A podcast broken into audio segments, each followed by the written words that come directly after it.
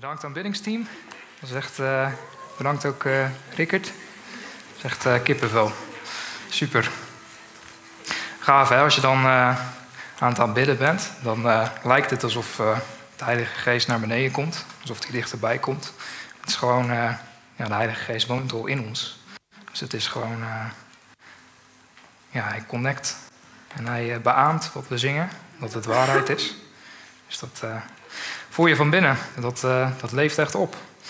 Um, dat grappig. Toen we aan het uh, aanbidden waren, toen, uh, toen moest ik opeens denken aan, aan Mozes.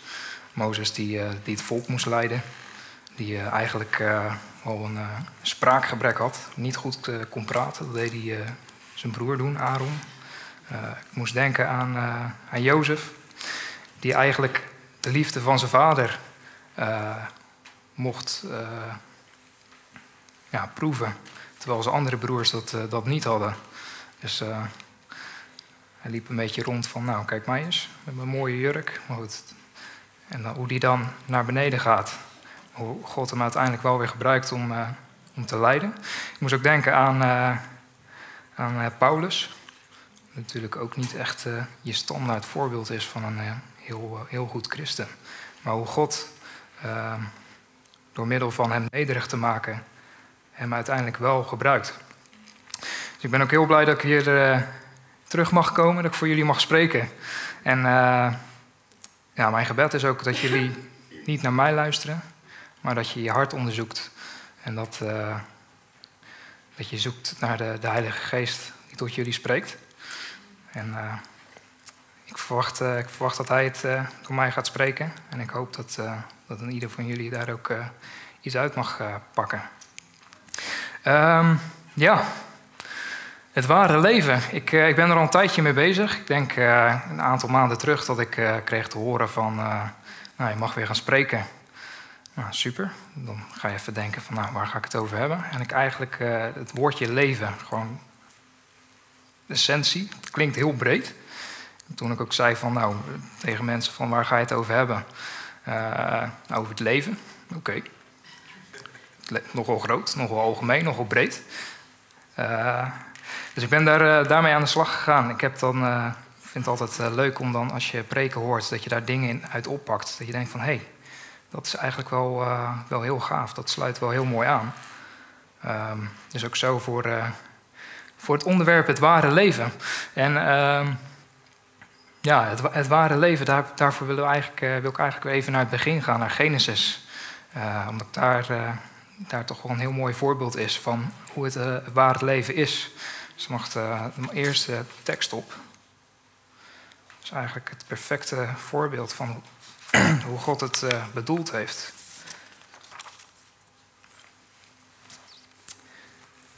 Mag de eerste tekst op, alsjeblieft. Yes. Dus, uh, Genesis 3, vers 2 tot, tot 6. En uh, toen zeide de vrouw tot de slang: Van de vrucht van het geboomte in de hof mogen wij eten. Ja. Uh, maar van de vrucht van de boom die in het midden van de hof staat, heeft God gezegd: Gij zult daarvan niet eten, noch die aanraken, anders zult gij sterven. En toen ik dit bekeek, toen uh, in het Engels staat: You will surely die. Nou, dat is wel redelijk definitief, zeg maar. Um, dus ik heb dat ook uh, opgezocht in, in de grondtekst, in de Griekse vertaling. Van wat, wat betekent dat woordje dood nou? Hè? We, we, weten als je van de, van de boom van, van kennis goed en kwaad eet, uh, dan, dan brengt daarmee de zonde in je leven. En de zonde leidt uiteindelijk tot de dood. Maar hier staat zo definitief van wanneer je van de vrucht eet, van, uh, van de kennis van goed en kwaad, dan zul je zeker doodgaan. Dus ik heb uh, gekeken wat dat, uh, wat dat woordje uh, betekent. Dus het, in het Grieks is het het goed uitspreek. Maar goed, het betekent in ieder geval to die.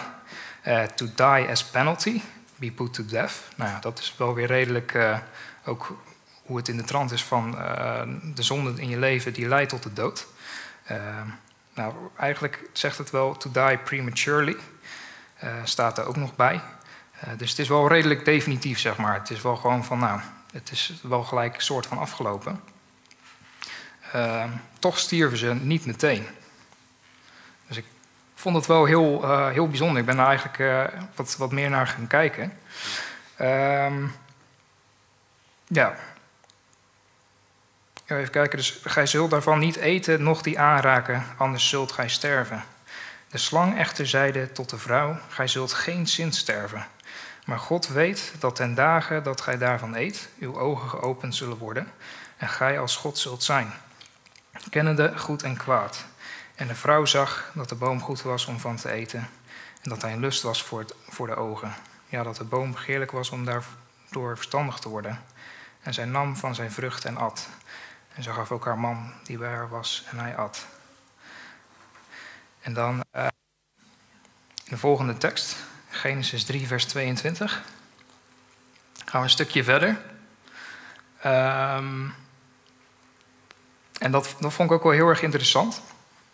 De Heere God zeide, zie de mens is geworden als ons er een door uh, de kennis van goed en kwaad. Nu dan, laat hij zijn hand niet uitstrekken en ook van de boom des levens nemen en eten, zodat hij in eeuwigheid zou leven. We weten natuurlijk dat uh, de boom van kennis van goed en kwaad is eigenlijk al voorafschaduwing van de wet. Uh, de boom van, van leven, dat is, dat is een beeld van Jezus. Maar nadat ze van de boom van de kennis van goed en kwaad hadden gegeten, mochten ze dus niet meer van de boom van het leven eten. Ehm, eh, zodat hij in eeuwigheid zou leven. Want anders, op dat moment uh, was er natuurlijk al iets gebeurd. Er was een uh, muur gekomen tussen, tussen God en de mensen. En zodra zij van de boom van de kennis van goed en kwaad hadden gegeten. en ze zouden daarna van de boom van eeuwig leven eten. Dat is wel redelijk fysiek in, in het Hof van Eden natuurlijk. Het was gewoon een echte boom. het is een geestelijk beeld. Maar daar was het ook gewoon fysiek. Dus al zouden ze van die vrucht eten, dan zouden ze eeuwig leven, maar wel eeuwig in afzondering van God. Ehm, en dat is natuurlijk niet, niet uh, wat, wat God voor ogen had. Dus daarom heeft hij ze uit de hof verjaagd. En als hij al, had natuurlijk al bedacht uh, hoe hij ons ging redden. Zijn, uh, zijn grote plan, zijn masterplan, was hij toen al aan het, aan het uitzetten. Um, even kijken hoor.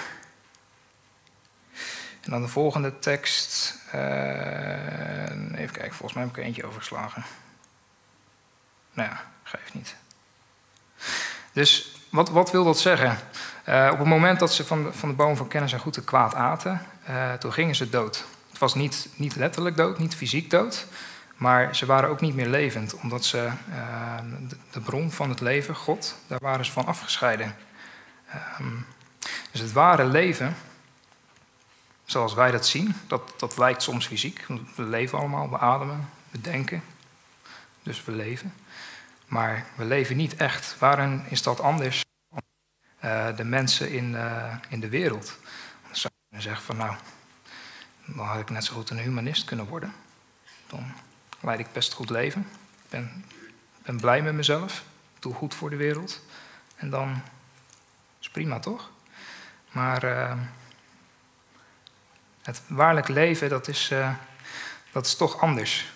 Daarvoor wil ik even naar uh, Romeinen 6, vers 7 tot 11. Yes. want wie gestorven is, is rechtens vrij van de zonde. Dus als je dood bent, dan kan je niet meer zondigen. Dus dan is het verder ook klaar. Indien wij dan met Christus gestorven zijn, geloven wij dat wij ook met Hem zullen leven. Daar wij weten dat Christus, nu Hij uit de doden is opgewekt, niet meer sterft. De dood voert geen heerschappij meer over Hem. Want wat Zijn dood betreft, is Hij voor de zonde eens voor altijd gestorven. Wat Zijn leven betreft, leeft Hij voor God. Zo moet het ook voor u vaststaan dat Gij wel dood zijt voor de zonde maar levend voor God in Christus Jezus. Dus dat uh, wij zijn met Hem gestorven en we zijn met Hem weer opgestaan. Um, en Christus leeft nu in ons. En dat is zo belangrijk uh, om ons dat blijvend te realiseren. Um, ook uh, deels waarom ik dit onderwerp koos is omdat ik momenteel zelf ook gewoon in een hele drukke periode zit. Gewoon fulltime baan, ik ben aan het klussen. Je, je, bent toch ook nog dingen daarnaast aan het doen. En dan, dan merk je gewoon dat je heel erg weinig tijd vrijmaakt of heel weinig bezig bent met, uh, met God soms. En dat je denkt van, nou ja, is, is dit het dan? Weet je? Ik bedoel, je kan altijd wel terugvallen en dat, dat heb ik ook wel, maar dan... Uh, niet, niet, niet per se depressief of zo, maar is, dat, is dit dan het ware leven? En ik denk dat het zo belangrijk is en ik denk dat, dat anderen dat ook wel, uh, ook wel proeven. Van, uh, het, ware leven begint nu. Hij is voor ons gestorven. Uh, hij heeft voor ons de, weg vrijgemaakt voor het eeuwige leven. Um, maar we hoeven niet te wachten tot het eeuwige leven komt. het eeuwige leven begint nu al. Um, dan mag de volgende tekst. Maar thans, vrijgemaakt van de zonde en in de dienst van God gekomen, hebt gij tot vrucht uw heiliging en als einde het eeuwige leven. Want het loon dat de zonde geeft is de dood. Maar de genade die God schenkt is het eeuwige leven in Christus Jezus, onze Heer. Ja. En het eeuwige leven, dat, dat begint nu. We hebben allemaal Christus Jezus in ons. En uh, kringen die zijn uh, weer begonnen. En dat is zo gaaf als je Ja, die van ons is uh, twee weken uitgesteld. Maar dat geeft verder. Maar het, is zo gaaf als je bij elkaar komt en uh, je kan dingen met elkaar delen. En uh, Jezus woont in ons. En als we bij elkaar komen en we, we praten met elkaar, dan, uh, dan ontmoet je ook weer Jezus. Jezus is in ieder van ons. Nou, ik gaf net die drie voorbeelden aan het begin. Het zijn allemaal niet echt voorbeelden dat je denkt van nou, op het, in eerste instantie. Dat je denkt van nou, dat, dat zijn echt mensen die God kan gebruiken. Die gaan recht voor. Maar God die uh, brengt ze op een plaats uh, van nederigheid. En waarin ze zeggen van Heer, ik, ik doe mijn best, maar ik, ik, kan het niet alleen. En ik heb u, uw hulp nodig. Ik heb uw geest nodig. En ik wil op u vertrouwen. Dus het is zo belangrijk dat, dat we Hem zoeken in alle dingen. En als we dat meer gaan doen, dan straalt dat ook uit naar, naar onze omgeving. Gaan we ook uh, dingen zien. Dus dat. nou, dat is gaaf. volgende tekst op, Johannes 10, vers 7 tot 10. Jezus zeide dan nogmaals: Voorwaar, voorwaar, ik zeg u, ik ben de deur der schapen. Allen die voor mij gekomen zijn, zijn dieven en rovers. Maar de schapen hebben naar hen niet gehoord. Ik ben de deur. Als iemand door mij binnenkomt, zal hij behouden worden. En hij zal ingaan en uitgaan en weide vinden. De dief komt niet dan om te stelen en te slachten en te verdelgen. Ik ben gekomen opdat zij leven hebben en overvloed. Dus ook. Ze hebben leven en overvloed. Soms wordt het nog wel eens samengebracht. Leven in overvloed. Zeker waar. En dat uh, we mogen ook streven naar die overvloed zodat we kunnen uitdelen. Zodat het vol loopt. En uh, dan naar anderen mogen geven. Maar in eerste instantie opdat zij leven hebben. En dat uh, het ware leven dat, dat Hij geeft. Dat in de aanbidding het feit dat je dan de Heilige Geest voelt branden, die beaamt de waarheid. Um, de gesprekken die je hebt met elkaar. Of een stukje Bijbel waarin God dan openbaring geeft. Nou, ik denk dat iedereen wel dingen kan uh, verzinnen uh, waarop je denkt van wauw, dit is, dit is super gaaf. Dit is anders dan wat ik waar dan ook heb gevonden. Dat is het, het ware leven. Um, en dan tot slot uh, Johannes 14, vers 6 tot 10. Uh, ehm, Jezus zeide tot hem: Ik ben de weg en de waarheid en het leven. Niemand komt tot de Vader dan door mij. Indien gij mij niet kent, zoudt gij ook mijn Vader gekend hebben. Sorry. Indien mij gij kent, zoudt gij ook mijn Vader gekend hebben. Van nu aan kent gij hem en hebt gij hem gezien. Filippus zeide tot hem, Heere, toon ons de Vader en het is ons genoeg. Jezus zeide tot hem, Ben ik zo lang bij u, Filippus, en kent gij mij niet? Wie mij gezien heeft, heeft de Vader gezien. Hoe zegt gij dan, toon ons de Vader? Gelooft gij niet dat ik in de Vader ben en de Vader in mij is? De woorden die ik tot u spreek, zeg ik uit mijzelf niet, maar de Vader die in mij blijft, doet zijn werken. Toen Jezus op de aarde wandelde, ik vind het ook altijd. Jezus blijft altijd het voorbeeld. Als ik het gewoon niet, niet meer weet of zo, dan ga ik kijken van hé, hey, hoe, hoe deed Jezus het? Die kwam, die kwam hier in een gebroken wereld, maar hij, hij leefde een volmaakt leven. Hij leefde het, het ware leven. En ondanks dat zijn omstandigheden uh, ja, niet altijd uh, heel erg prettig waren in, uh, in een gebroken wereld. Mensen die hem toch wel continu wilden stenigen, wilden vermoorden.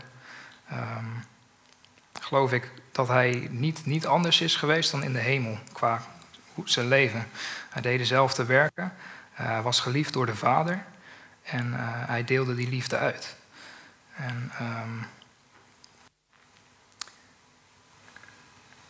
ja, daar, daar mogen we echt naar uh, streven. Um, Jezus woont in ons. En zodra we gaan focussen op Hem, um, Zijn liefde mogen ontvangen, ons bewustzijn van Zijn identiteit, dat waar wij binnenkomen, dat Jezus daar binnenkomt. David zei het vanmorgen ook nog even. Ja, Jezus is hier, ik heb hem meegenomen. hij woont in mij. Als we, dat, als we daarvan uh, bewust worden, um, dan wordt het leven sowieso heel anders. En natuurlijk, we blijven druk hebben, we hebben onze dingen. Maar uh, ja, als je je daarvan bewust wordt, dan ga je dat ook uitstralen naar je omgeving.